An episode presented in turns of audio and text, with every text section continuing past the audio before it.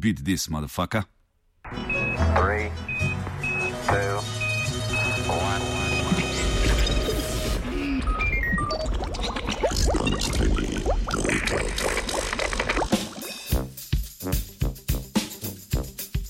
Naslov današnjega prispevka je bakterijski snemalni trak in ne, nisem prebral na robe, ni baterijski snemalni trak, ampak je dejansko bakterijski snemalni trak.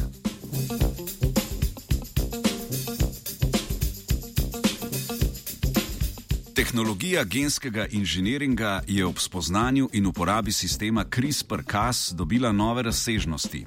Ob raziskavi, objavljeni v reviji Science, pa se zdijo možnosti uporabe tega imunskega sistema bakterij še večje. Raziskovalna skupina iz Univerzitetnega medicinskega centra v Kolumbiji v ZDA je namreč razvila možnost uporabe sistema CRISPR za snemanje celičnih procesov. S pomočjo sistema CRISPR bi torej lahko natančno določili, kje, kdaj in kako so določeni procesi presnove v celici potekali.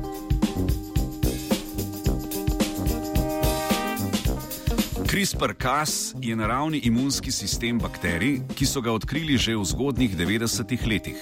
Virus, ki napada bakterije, vanje ustavi del svojega genskega zapisa v obliki RNK, ki se ustavi kot DNK zaporedje. V bakterijah z omenjenim imunskim sistemom se del tega zaporedja ustavi na mesto CRISPR v bakterijski DNK. Od tam se na to prepiše v kratke vodilne RNK sekvence, ki služijo prepoznavi virusnega zaporedja genskega koda. Princip delovanja torej temelji na tem, da celica shrani RNK ali DNK virusa in ga tako ob naslednjem stiku hitreje prepozna. Govorimo torej o neke vrste spominu na molekularnem nivoju bakterijske celice. Več o mehanizmu CRISPR-Cas in njegovem patentiranju smo pisali februarja letos v znanstvenem komentarju.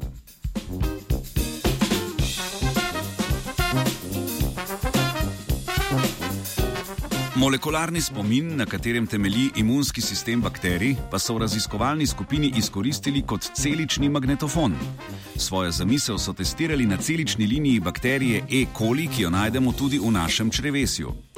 S pomočjo ustavljenega plazmida so preko proizvodnje DNK v sistemu CRISPR beležili presnovo trehaloze, bakra in fukoze v populaciji celic. Snemanje je trajalo nekaj dni in po izvedenem poskusu so lahko na podlagi sekvencioniranja zaporedja CRISPR natančno določili koncentracijo in časovno dostopnost omenjenih produktov. Snemalni sistem so poimenovali Trace.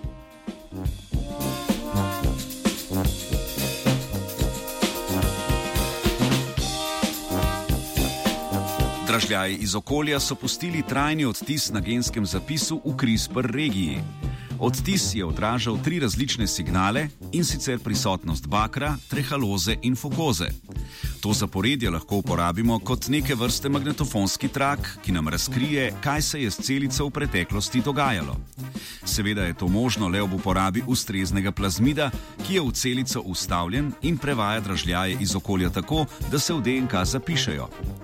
V raziskovalni skupini si obetajo veliko od uporabe sistema na eni celici, do prenosa tehnologije na eukarionske celice in uporabe v diagnostiki. Kljub kreativni zamisli pa raziskovalce in raziskovalke čaka še dolga pot do najmanjšega nosilca informacije v obliki bakterijske kulture.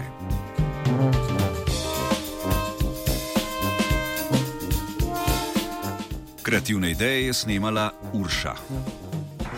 Three, Yeah.